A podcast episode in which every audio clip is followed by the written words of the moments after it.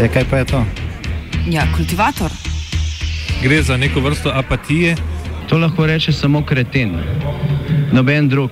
Socialni invalid in ga je ne mogoče urejati. Drugi kandidat.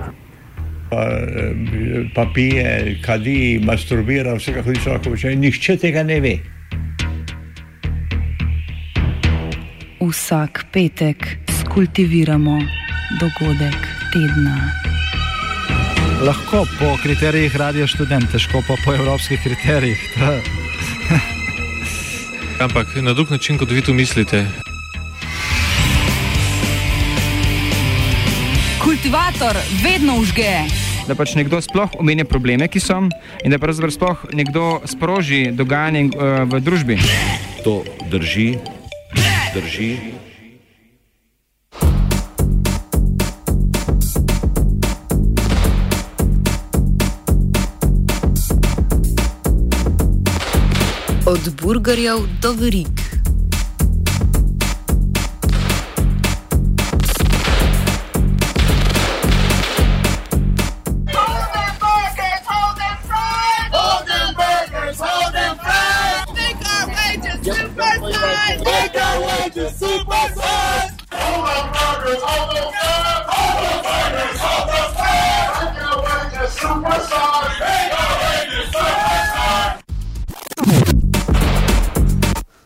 Hold the burgers, hold the fries, make the wages supersized.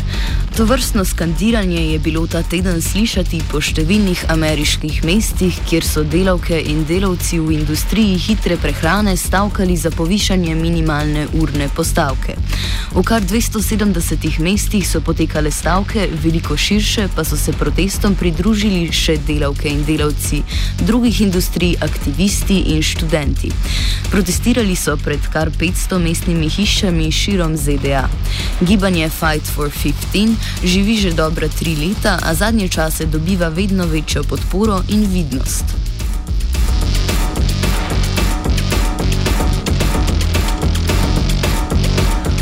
V osnovi gre za zahtevo po minimalni urni postavki 15 dolarjev za vse delavke in delavce, ta pa izhaja iz dejstva, da plačilo za poln delovni čas prepogosto ne pomeni niti izhoda iz revščine. Kar tretjino ameriških družin se tako klasificira kot revne delavske družine. Minimalna urna postavka je sicer v ZDA določena na različnih ravneh. Na ravni federacije tako stoji na 7,25 dolarja, medtem ko jo nekatere države postavljajo nekoliko više, a so še vedno daleč od 15 dolarjev. Zahteve gibanja so se razvijale skozi čas in poleg urne postavke se je hitro oblikovala še nujnost pravice do sindikalnega organiziranja. Odkar so leta 2012 delavke in delavci v industriji hitre hrane prvič odkorakali svojih delovnih mest, gibanje privablja vedno več, večji del delavstva, pri čemer pa gre za najbolj ranljive in slabo plačane prebivalke in prebivalce ZDA.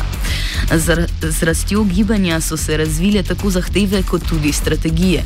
Več o tem v nadaljevanju, za začetek prisluhnimo utrinkov storkovih protestov.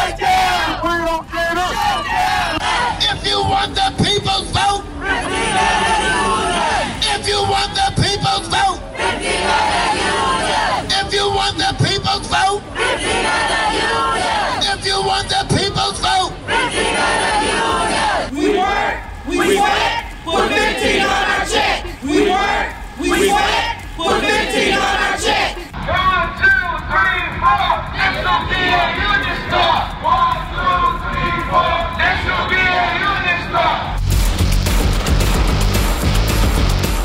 Prvi pomemben aspekt tokratnih protestov je bil poleg številčnosti njihova raznolikost. Že nekaj časa namreč ne gre le za industrijo hitre prehrane, ampak za vsaj še socialne delavke in delavce, ki pomagajo ljudem na domu, ter vzgojiteljice in vzgojitelje. Pomoč na domu je med najbolj rastočimi sektorji v ZDA, istočasno pa tudi med slabše plačanimi. Večino delovnih mest zasedajo ženske. Socialne delavke na domu so sicer skoraj stoletje živele kot izjemno ranljiva skupina, saj so bile izpuščene iz delavske zakonodaje, ki je zagotavljala minimalno urno postavko in plačilo nadur. Leta 1938 so to dosegli kongresniki iz ameriškega juga, ki se niso strinjali z vključitvijo delavk ter delavcev na domu in v kmetijstvu, saj je bilo med njimi večinoma črnsko prebivalstvo. Šele letos je na tem področju prišlo do spremembe, ki jim omogoča vsaj osnovno pravno zaščito.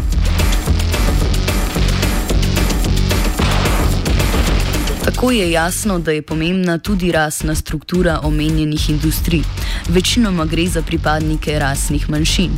Nujno je torej razumevanje tako spolne kot rasne sestave gibanja, ki pokaže, da gre ne le za boj za ekonomske pravice same po sebi, ampak prek tega za opolnomočenje sicer marginaliziranih skupin prebivalstva.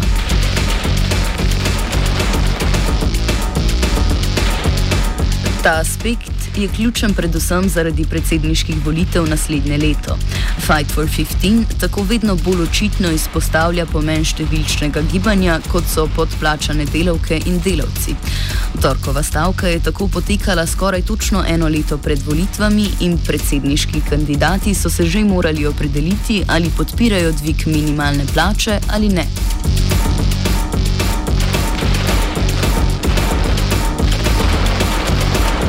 V demokratski stranki, ki ima politiko vsaj v teoriji bolj naklonjeno delavkam in delavcem, se je najbolj jasno opredelil kandidat Bernie Sanders, ki se je tudi pridružil protestu v Washingtonu in predstavil svoj pogled. People in this country who work 40 hours a week deserve a living wage. And workers in our city here and all over this country deserve the right to organize a union. In America today, what we are seeing is the richest people becoming richer and almost everybody else becoming poorer. And what we are saying is enough is enough. Workers who work for the United States government deserve the right to raise their children in security. They deserve the right to earn enough to live in a decent apartment or a decent house.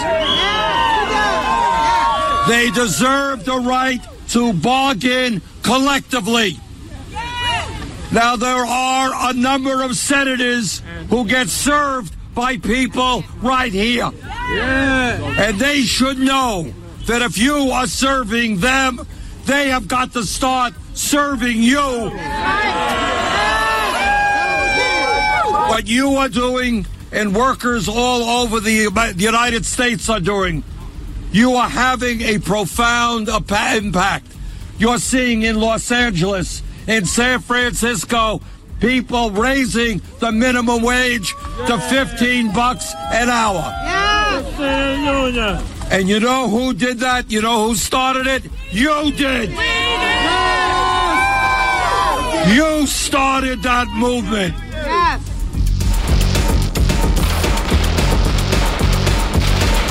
Svojo načelno podporo je pokazala tudi Hillary Clinton, a jo zaenkrat izraža predvsem s podpornim tvitanjem v času protestov.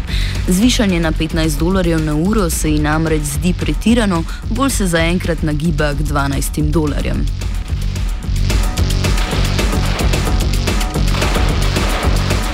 Bolj pestra je debata na republikanski strani.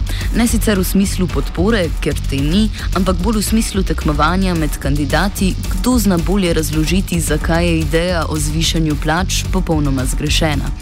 Eden izmed večjih protestov je potekal pred stavbo, v kateri je v torek potekala republikanska debata in tako je bilo že prvo vprašanje namenjeno zvišanju plač. Prisluhnimo poskusom treh kandidatov, začenši z Benom Carsonom. As far as the, the minimum wage uh, is concerned, people need to be educated on the minimum wage. Every time we raise the minimum wage, the number of jobless people increases. It's particularly a problem in the black community. Only 19.8% of black teenagers have a job. We're looking for one. You know, that, and that's because of those high wages. If you lower those wages, that comes down. You know, I can remember as a youngster, you know, my first job working in a laboratory as a lab assistant and multiple other jobs. But I would not have gotten those jobs if someone had to pay me a large amount of money. But what I did gain from those jobs is a tremendous amount of experience and how to operate in the world and how to relate to different people and how to become a responsible individual. And that's what gave me what I needed to ascend the ladder of opportunity in this country. That's what we need to be thinking about. How do we allow people to ascend the ladder of opportunity rather than how do we give them everything and keep them dependent?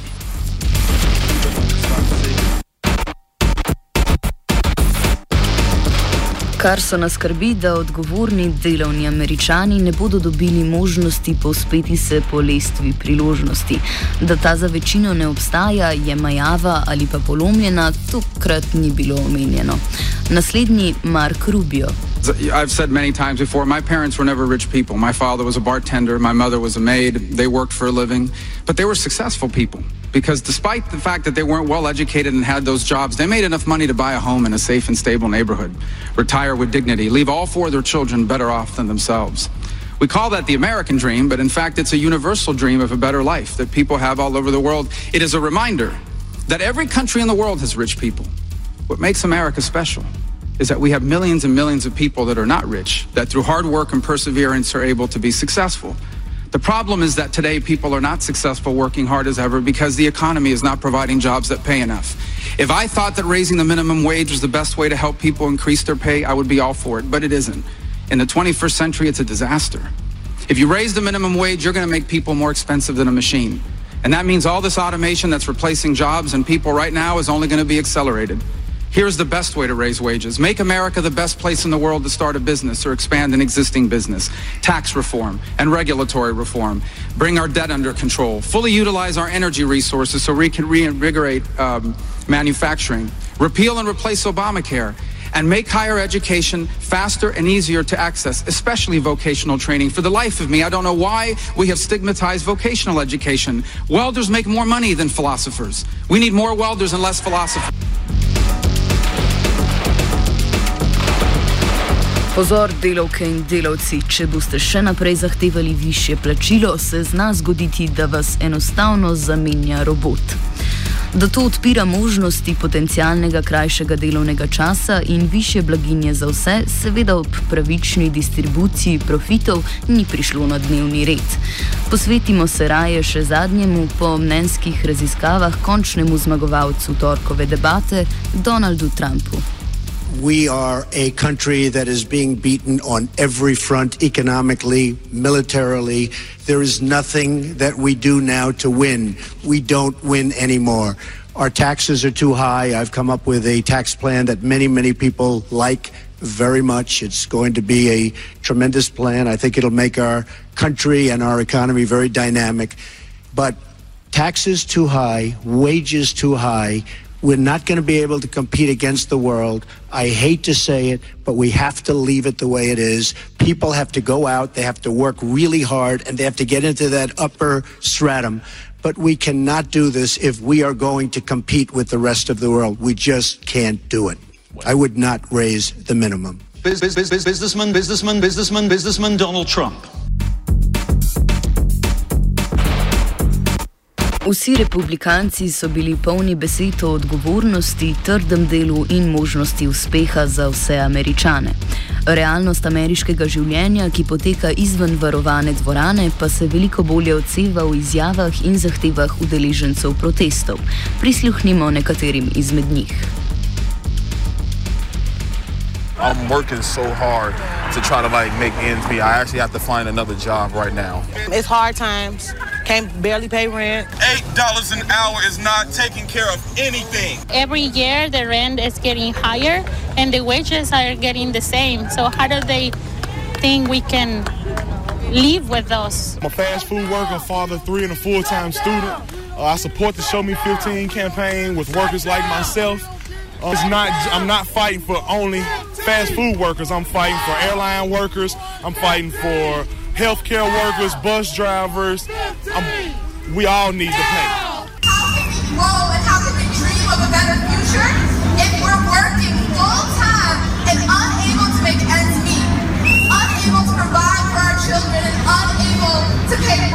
Mean, it's wonderful, but we're looking for a big outcome. We- We're looking for them to tell us they're going to raise minimum wage. Even if it's a, a little step, I mean, we're, we're going to take that, but we're going to still keep coming at them for a big step. We want that 15 in the union.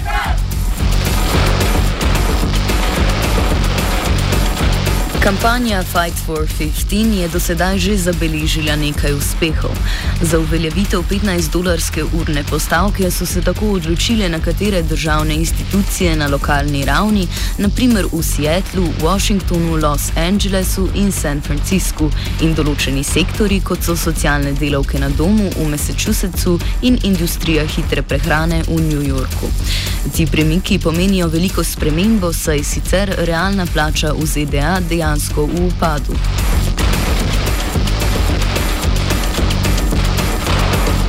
Moč gibanja je v njegovi številčnosti, saj več kot 40 odstotkov ameriških delavk in delavcev dela za manj kot 15 dolarjev na uro. Istočasno gre sicer tudi za ljudi, ki se v manjši meri sploh udeležujejo volitev. Raziskave kažejo, da svoje glasove oddajajo predvsem bogatejši prebivalci ZDA. A skupnosti, ki so tradicionalno bolj zapostavljene in marginalizirane, se vedno bolj močno izpostavljajo prek sodelovanja v kampanji in skoraj 70 odstotkov ljudi, ki delajo za manj kot 15 dolarjev, bi se verjetneje odpravilo na volišče, če bi se kateri izmed kandidatov in kandidatk opredelil za podporo dvigu minimalne plače in pravici do organiziranja v sindikate.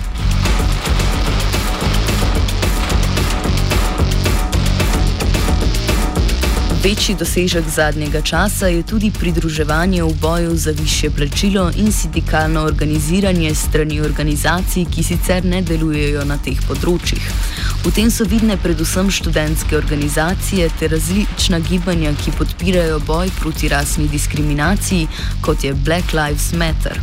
Prisluhnimo pogledu ene izmed udeleženk protesta, ki razloži, kako gre na koncu koncev za skupne boje. Support for a lot of different things. I know that one fair wage is here. I know that Black Lives Matter is here, and some people. I think some people are wondering why they're here, but racial justice and economic justice are just two sides of the same coin. As a woman of color, I've been passed up for promotions for higher paying positions because I'm a woman of color. I've been turned away from fine dining restaurants because they only hire white males as servers. So they are one and the same, and there's no room for growth right now. And I think that that needs to change and that it can change.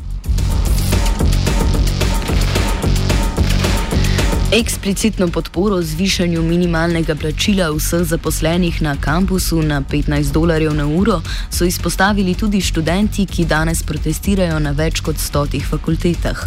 Vodstvu so postavili tri zahteve in sicer brezplačen študij, izbris študentskih dolgov ter zvišanje minimalnega plačila vseh delavk in delavcev.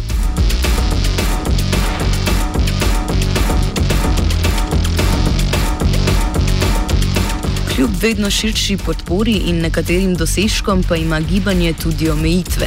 Vsaj do sedaj napovedana povišanja bodo postopna, torej bodo delavke in delavci do 15 dolarjev prišli šele v roku parih let.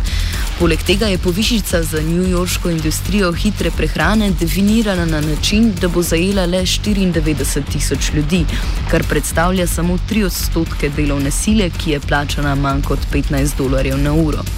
Največji poudarek kritikov pa je na dejstvu, da tudi v primeru, da pride do povišanja, le to ne bo vplivalo na plačilo ali pravice tistih, ki delajo v neformalni ekonomiji in na nedokumentirane delavce, prav tako ne bo izboljšalo položaja številnih prekarnih delavcev, ki delajo za skrajšan delovni čas in po kratkotrajnih pogodbah.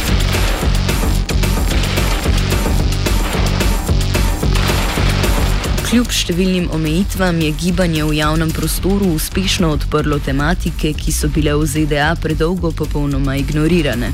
Svojo trenutno strategijo pa uspešno sili predsedniške kandidate, da se opredelijo do problema.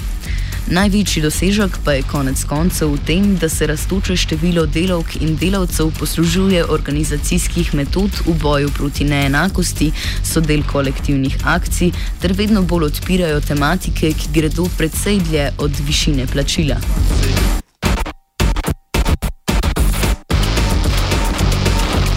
Za konec prisluhnimo sporočilu skupine protestirajočih študentk in študentov.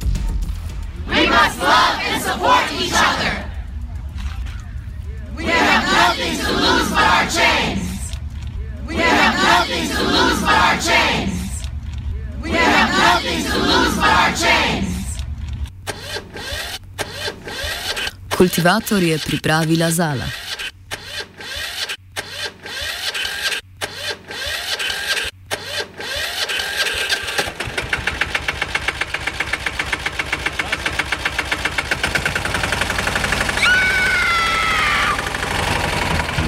E, kaj pa je to?